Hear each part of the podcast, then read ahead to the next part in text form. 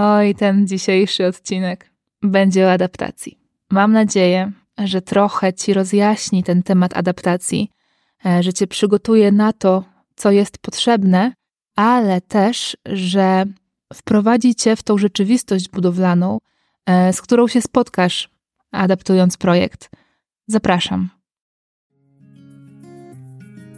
Dzień dobry, cześć. Nazywam się Maria Bladowska, jestem architektem, a to jest podcast Dom według Ciebie, czyli podcast o wszystkim, co dotyczy planowania Twojego przyszłego domu. Cokolwiek może Ci pomóc, żeby Twój projekt był lepszy, tutaj to znajdziesz. Dzisiejszy odcinek jest poświęcony adaptacji. Dowiesz się z niego, zrozumiesz, po co ta adaptacja w ogóle jest, yy, na czym polega i też jak to wygląda cenowo. Chcę przejść szybko do tematu, ale jeszcze zanim przejdę, to y, muszę Was uprzedzić, że będę szczera w tym, co mam Wam do powiedzenia. E, bo po prostu wiem, że jeżeli nie będę z Wami szczera, to moja cała działalność i próba pomocy Wam po prostu nie ma sensu. To wszystko, co robię. E, I tak samo uważam, że każdy z Was ma prawo i co więcej powinien być świadomy pewnych spraw, jeżeli ma to zderzenie e, z rzeczywistością budowlaną w Polsce. Dlatego, że ta budowa, wasza budowa, to są pieniądze, to jest wasza praca zawodowa, wasza praca wokół budowy, e, wasz czas, no i wasze życie, tak naprawdę, w tym przyszłym domu. Da się w Polsce wybudować świetny dom w normalnej cenie, ale trzeba być do tego przygotowanym. Po pierwsze, adaptacja e, jest ściśle związana z przepisami i wszystko, co powiem e, w tym podcaście, będzie w tym odcinku, będzie w świetle przepisów, a nie zwyczajów, jakie mamy w budownictwie. I dlatego będę się odnosić cały czas do prawa budowlanego, dlatego że adaptacja to jest formalna rzecz do spełnienia i prawdopodobnie większość inwestorów w Polsce by nie adaptowała projektów, gdyby nie musieli.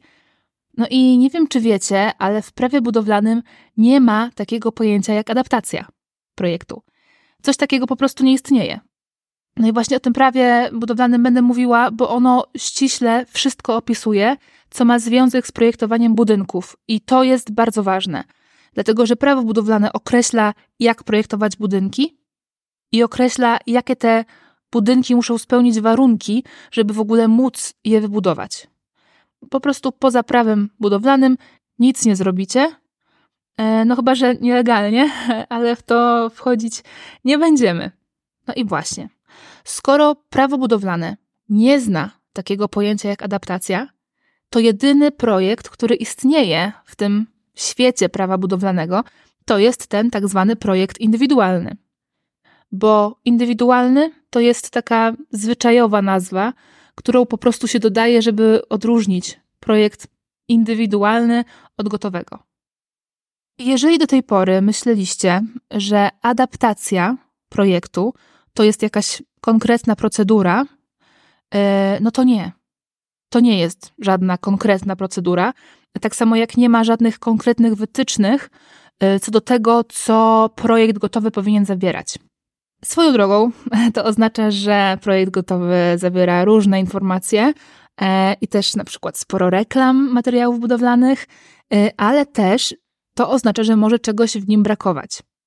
I może czegoś w nim brakować, bo nie ma przepisów co, co do jego zawartości, ale pewnych rzeczy nie może zabraknąć w projekcie do pozwolenia na budowę. I wyjaśnię o co chodzi. Projekt, zgodnie z prawem, powstaje na danej działce. Nie wiem, czy już macie działkę, czy jeszcze nie macie działki, ale wasz projekt powstanie na waszej działce. I zgodnie z po prostu literą prawa polskiego, żaden projekt nie może powstać poza działką, dlatego że definicja budynku mówi o tym, że on musi być połączony trwale z gruntem, czyli on jest nierozerwalnie złączony z działką. I on zależy od działki, zależy pod kątem architektury, i pod kątem architektury, no to budynek zależy od warunków gruntowych działki, od ukształtowania terenu na działce, od stron świata, oczywiście, od sąsiedztwa budynku, od geometrii e, działki, e, i no i oczywiście od przepisów miejscowych też. E, to tak właśnie przede wszystkim. I taki projekt na konkretnej działce, on powstaje długo, bo on powstaje na podstawie analiz działki, potrzeb inwestora. Trzeba też obmyślić właśnie architekturę, bryłę, ale oprócz tego też wszystkie techniczne rzeczy, tak? Detale budowlane, czyli to, w jaki sposób łączymy ze sobą poszczególne części budynku, e, poszczególne materiały i tak. No i oprócz tego też nam wchodzi projekt konstrukcji, projekt wszystkich instalacji w budynku i to wszystko trwa i kosztuje. I ktoś wpadł już dawno temu na taki pomysł, że będzie taniej i szybciej, jeżeli się tą pracę wykona raz i będzie się sprzedawać projekt po prostu w wielu egzemplarzach. Po prostu skalowanie. Mniejszy koszt, większy zysk. I to właśnie już od, od wielu lat działa. No i to już działa tak długo, że projekt gotowy i adaptacja już po prostu weszły do słownika urzędników na stałe, mimo tego, że nie ma tego prawie, a, a urzędnicy posługują się e, przepisami. Ale wracając do tłumaczenia, czym jest adaptacja. Skoro projekt gotowy powstaje tak naprawdę w próżni, w oderwaniu od działki, a jednocześnie każdy budynek, tak jak mówiłam, zależy od działki, to projekt gotowy trzeba dopasować do działki i trzeba wziąć pod uwagę wszystkie te same czynniki, które mają znaczenie przy projekcie indywidualnym. Czyli tak naprawdę w świetle prawa budowlanego, ale też w praktyce po prostu, trzeba zrobić z projektu gotowego projekt indywidualny. Mam nadzieję, że tego Wam teraz nie zamotałam, bo to jest bardzo proste. Pozwolenia na budowę albo zgodę na zgłoszenie nie dostaje projekt gotowy, ani nie dostaje projekt indywidualny. Pozwolenie na budowę dostaje po prostu projekt. I tylko projektant, to też jest w prawie budowlanym, czyli autor projektu, może wykonać ten projekt. Zostań ze mną, zaraz skończę e, to tłumaczenie i wszystko się wyjaśni. Tak jak już wspominałam w którymś z poprzednich odcinków, projektanci projektu gotowego równie dobrze mogliby się pod nim w ogóle nie podpisywać, chyba że ze względu na prawo autorskie, bo nie biorą żadnej odpowiedzialności za projekt. To architekt adaptujący, zgodnie z przepisami, jest projektantem budynku, który będzie adaptował. I on bierze taką samą odpowiedzialność za projekt gotowy, jak za projekt indywidualny. I warto to wiedzieć, bo to się wiąże z tym, co powiem za chwilę, e, ale zanim to powiem, to też powiem troszeczkę o technicznych rzeczach, dlatego że to Ci też będzie potrzebne. Przy adaptacji projektu potrzebujemy dokładnie tego samego, co przy projekcie indywidualnym. Jeżeli chodzi w ogóle o to, kiedy zgłosić się do projektanta, to polecam Ci odcinek o projekcie gotowym numer 23. Ale w skrócie powiem, że możesz się zgłosić do projektanta po prostu kiedy chcesz. Możesz się zgłosić zanim się dowiesz, czego w ogóle potrzeba, albo też jak już będziesz mieć projekt. E, wiadomo, ta ostatnia opcja, jak już masz projekt, a najlepiej wszystko załatwione, wszystkie formalności, no to jest opcja najtańsza, ale też dla ciebie najbardziej pracochłonna. I jeżeli na przykład nie masz czasu, potrzebujesz wsparcia w decyzji wybo o wyborze projektu, e, no to możesz się też zgłosić do projektanta wcześniej. No i właśnie co jest potrzebne? E, jakie takie formalne rzeczy są potrzebne do adaptacji oprócz projektu gotowego? Ja mówiłam już o tym trochę w drugim odcinku podcastu. On jest o projekcie budowlanym, więc tam cię odsyłam. E, a tutaj też wymienię i też wstawię grafikę na Instagrama, po prostu po to, żeby to było czytelne. Jeżeli chodzi o działkę, to jest Ci potrzebna aktualna mapa do celów projektowych. I tą mapę wykona Ci geodeta. Są potrzebne badania gruntu, które wykonuje geotechnik. To są takie dwie rzeczy. Badania gruntu są potrzebne po to, żeby wiedzieć, jakie zrobić fundamenty, a mapa, e, dlatego że po pierwsze, zasób geodezyjny musi mieć aktualne mapy w systemie, e, po prostu, e, żeby to, e, że tak powiem, służyło też innym, ale też architekt potrzebuje mieć aktualną mapę po to, żeby zaprojektować budynek w taki sposób, żeby to był realny projekt. Architekt musi znać ukształtowanie terenu z rzędnymi, konkretnymi wysokościami, lokalizację mediów, czyli tych sieci instalacji, które idą w drodze, Ewentualnie też drzewa, woda, rowy jakieś, ogrodzenia, budynki na działce. To wszystko jest na mapie. I to jest potrzebne. Dalej. E, do budynku trzeba doprowadzić wodę, prąd, kanalizację, czasami gaz, albo też miejskie ogrzewanie na przykład. E, I trzeba zrobić projekty tych przyłączeń. I to są projekty, które trzeba uzgodnić z właścicielami sieci e, i też z urzędami. Formalnie to do pozwolenia na budowę nie jest potrzebne, ani też do zgłoszenia, bo po prostu to może iść odrębnym torem, no ale do budowy do tego, żeby wykonać te przyłącza, czyli te przyłączenia, no to jest potrzebne. Są też takie dokumenty, które muszą być załatwione, takie jak na przykład zezwolenie na zjazd z drogi publicznej, jeżeli takiego zjazdu nie ma, e, wyłączenie gruntu z produkcji rolnej, jeżeli nie jest wyłączony, e, jeżeli trzeba rozebrać jakiś budynek, no to jest potrzebna zgoda na rozbiórkę. Jeżeli też przepisy miejscowe wymieniają jakieś uzgodnienia, które są potrzebne, to też te inne uzgodnienia są do załatwienia, czyli na przykład um, uzgodnienie z konserwatorem zabytków. E, I to nie tylko chodzi o zabytki, tak swoją drogą, to nie jest kwestia zabytków. E, czasami są na przykład stanowiska archeologiczne w pobliżu działki. Może też być na przykład uzgodnienie z właścicielem na powietrznej linii energetycznej. E, to też, e, to też się zdarza. Także jeżeli chodzi o formalności, to szczerze mówiąc, powinien Wam w tym po prostu pomóc projektant, bo to jest różne dla różnych działek. To nie jest tak, że każda działka ma takie same uzgodnienia.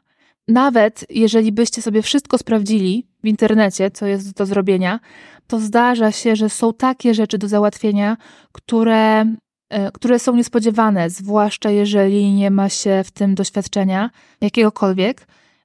I powiem Wam szczerze, że jeżeli chodzi o ilość informacji w internecie, co jest potrzebne do adaptacji, to on po prostu aż kipi. Także ja też to przeglądałam i w większości wszystko tam się zgadza.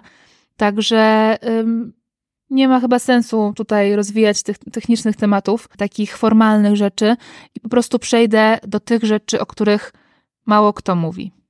A mianowicie jest to fakt, że kupując projekt, który nie był zaprojektowany na Twojej działce, trzeba naprawdę ten projekt dobrze sprawdzić. Ja wiem, że łatwo jest na pierwszy rzut oka po prostu sobie zobaczyć, że o, strony świata się zgadzają, odległości od granicy działki są ok, czyli jest ok. Ale to wcale nie jest takie proste. E, I inwestor przez to, że nie ma dobrego wsparcia, nie ma dobrego wsparcia od kogoś, kto już widział dużo projektów i ma po prostu doświadczenie, wie na co zwrócić uwagę, to taki inwestor właśnie jedyny, co może sprawdzić sam, to są te odległości od granicy działki i strony świata i to tak pobieżnie. I to też czasami w oparciu o jakieś niepełne informacje z internetu, bo to też, te strony świata to też jest bardziej skomplikowane niż po prostu północ, południe, wschód, zachód. I powiem szczerze, że to dopasowanie do działki to jest coś, co jest naprawdę przy projekcie gotowym utrudnione. Dlatego, że jak projekt powstaje od początku na danej działce, to on wynika z tego, jak wygląda działka. Jakby te analizy, one się dzieją na bieżąco. A tutaj, w tym przypadku projektu gotowego, mamy już gotowy projekt, więc automatycznie zamykamy się na inne rozwiązania też. E, ale to, co powinno się sprawdzić w projekcie gotowym, to jest układ funkcjonalny pod kątem błędów i przykłady tego możecie e, zobaczyć u mnie na Instagramie, e, Dom według Ciebie, ale też powinno się projekt sprawdzić pod kątem potrzeb inwestora, a to już jest trochę inne sprawdzenie. Chociażby takie rzeczy niby, niby nic. E, jaką chce wannę, jaką chce sofę, jak żyje, jak spędza czas, czy gotuje, czy ma często gości. Tych rzeczy się naprawdę sporo zbiera.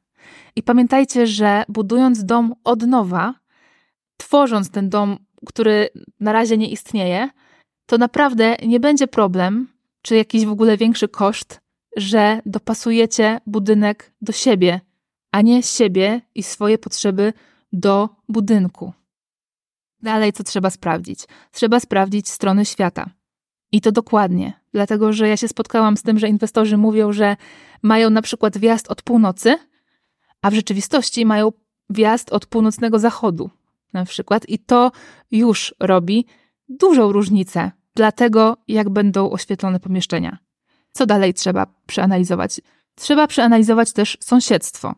Czy gdzieś powinno być okno, na przykład, a nie ma okna, albo czy gdzieś jest okno, ale lepiej jest je zlikwidować albo przesunąć.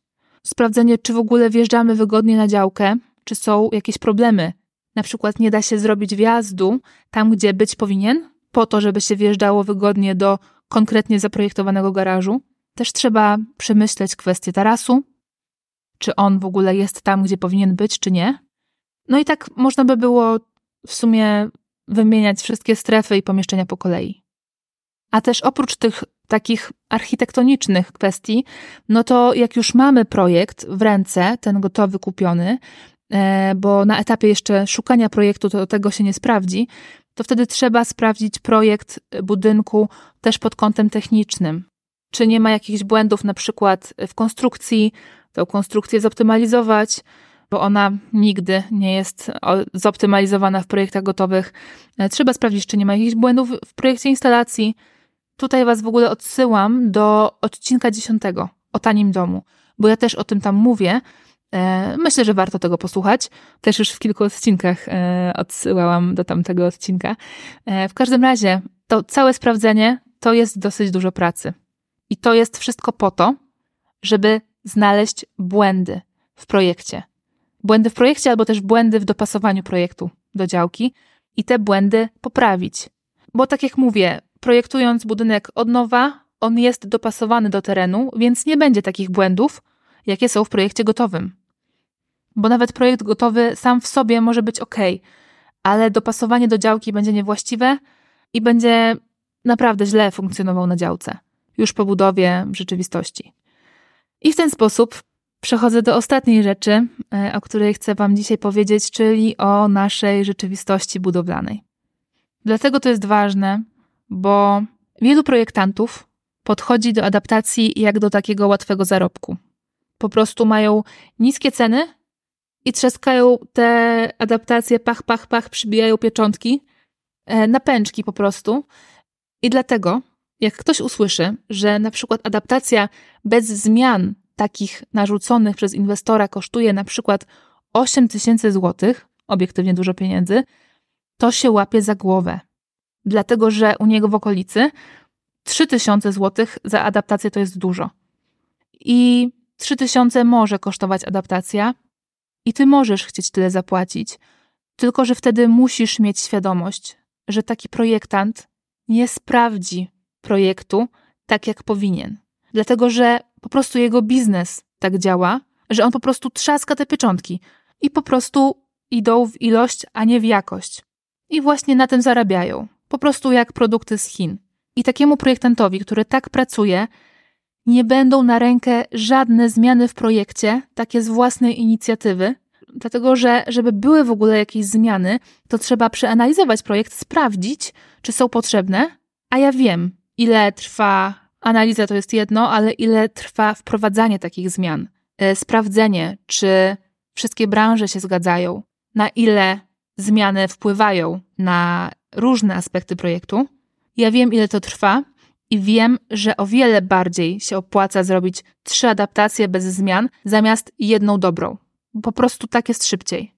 I wybaczcie mi szczerość, mam nadzieję, że Was e, nie uraziłam, czy coś takiego, takim postawieniem sprawy, ale to po prostu jest prawda, że może macie już na oku adaptację za 3000, bo takich ofert jest najwięcej, E, I jeżeli tak rzeczywiście chcecie, no to w porządku, bo to jest wasza inwestycja. Ale przesłuchajcie chociaż ten odcinek dziesiąty o tanim domu. To on może być pomocny. I powiem wam, że to jest taki temat, który naprawdę budzi mój duży sprzeciw.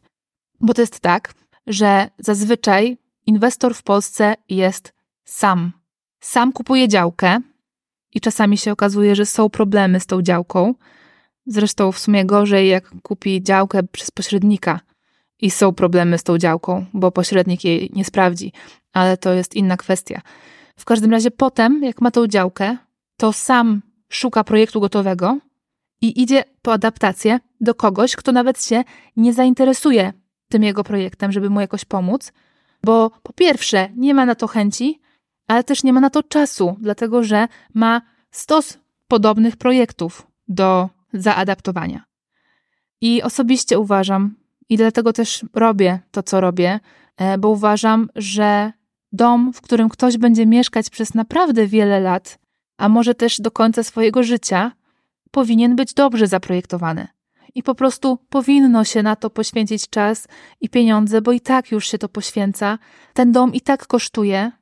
A jeżeli chodzi o pieniądze, tak w skali inwestycji, no to dobrze zrobiona adaptacja kosztuje tyle, co 2 metry albo 3 metry kwadratowe domu.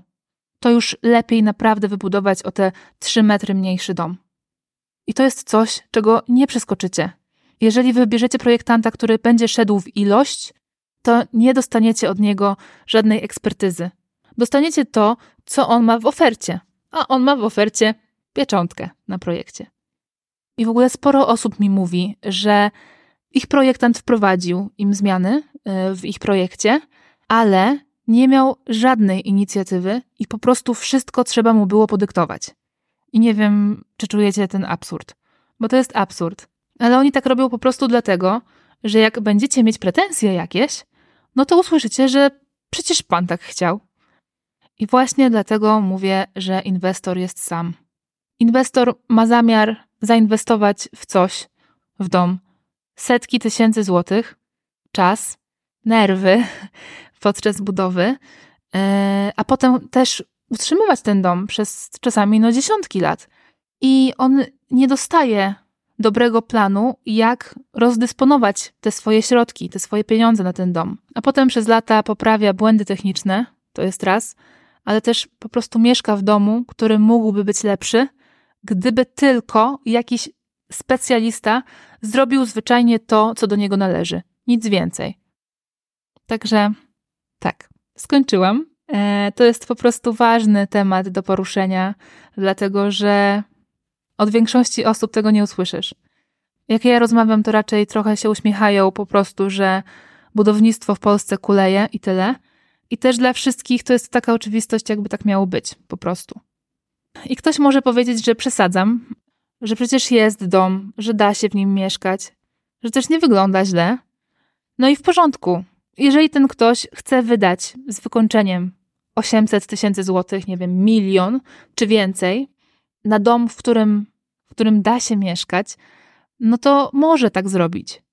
Ale wystarczyłoby po prostu trochę więcej czasu i kilka tysięcy złotych więcej, jeżeli porównujemy do pana od pieczątek, i wtedy ten dom byłby taki, że warto w nim mieszkać, który po prostu warto wybudować i warto na niego pracować, dlatego że sprawia, że nasze życie ma inną jakość. Jest wygodniejszy, ułatwia życie, sprawia, że się lepiej czujemy, a nie, że się denerwujemy, bo w kuchni jest za ciasno, czy garaż po prostu jest za wąski. A cena budowy takiego domu będzie bez zmian, będzie taka sama. Budżet tutaj się nie zmieni. Wydamy i tak te pieniądze, i tak. Czy będzie dobrze zaplanowany dom, czy nie. Także tyle na dzisiaj. Mam nadzieję, że nie macie mi za złe e, tych słów takich y, trochę mocniejszych, to oczywiście zaplanowałam, że Wam powiem, mm, bo uważam, że ten temat jest ważny. To jest też temat, na którym mi po prostu zwyczajnie zależy, dlatego że ja widzę te projekty. E, widzę to, jak one są realizowane i po prostu jest mi szkoda tego potencjału, który się po prostu zmarnował. Domu się nie wyburza po 20 latach. On stoi i stoi. I dlatego właśnie chcę pomóc inwestorom, którzy jeszcze mają przed sobą ten swój projekt, e, tą swoją budowę. No i właśnie, tym sposobem dochodzimy do zapowiedzi następnego odcinka. Dlatego, że następny odcinek będzie wyjątkowy, bo będzie po pierwsze mój urodzinowy, a po drugie, e, przez cały tydzień ostatni zbierałam Wasze pytania. I dzięki temu następny odcinek będzie jeszcze bardziej dla Was. To będzie odcinek o podpiwniczeniach, czy warto je robić, kiedy warto je robić. E, I dlatego, jeżeli nie subskrybujesz jeszcze tego podcastu, to zachęcam Cię serdecznie do tego, bo dzięki temu nie przegapisz kolejnego odcinka. Jeżeli masz do mnie pytania, to napisz do mnie maila na adres domwedługciebie albo na Instagramie dom według Ciebie. Ja tam jestem cały czas. No i to tyle. Życzę Wam powodzenia z Waszymi adaptacjami i do usłyszenia za tydzień. Pozdrawiam Was, cześć!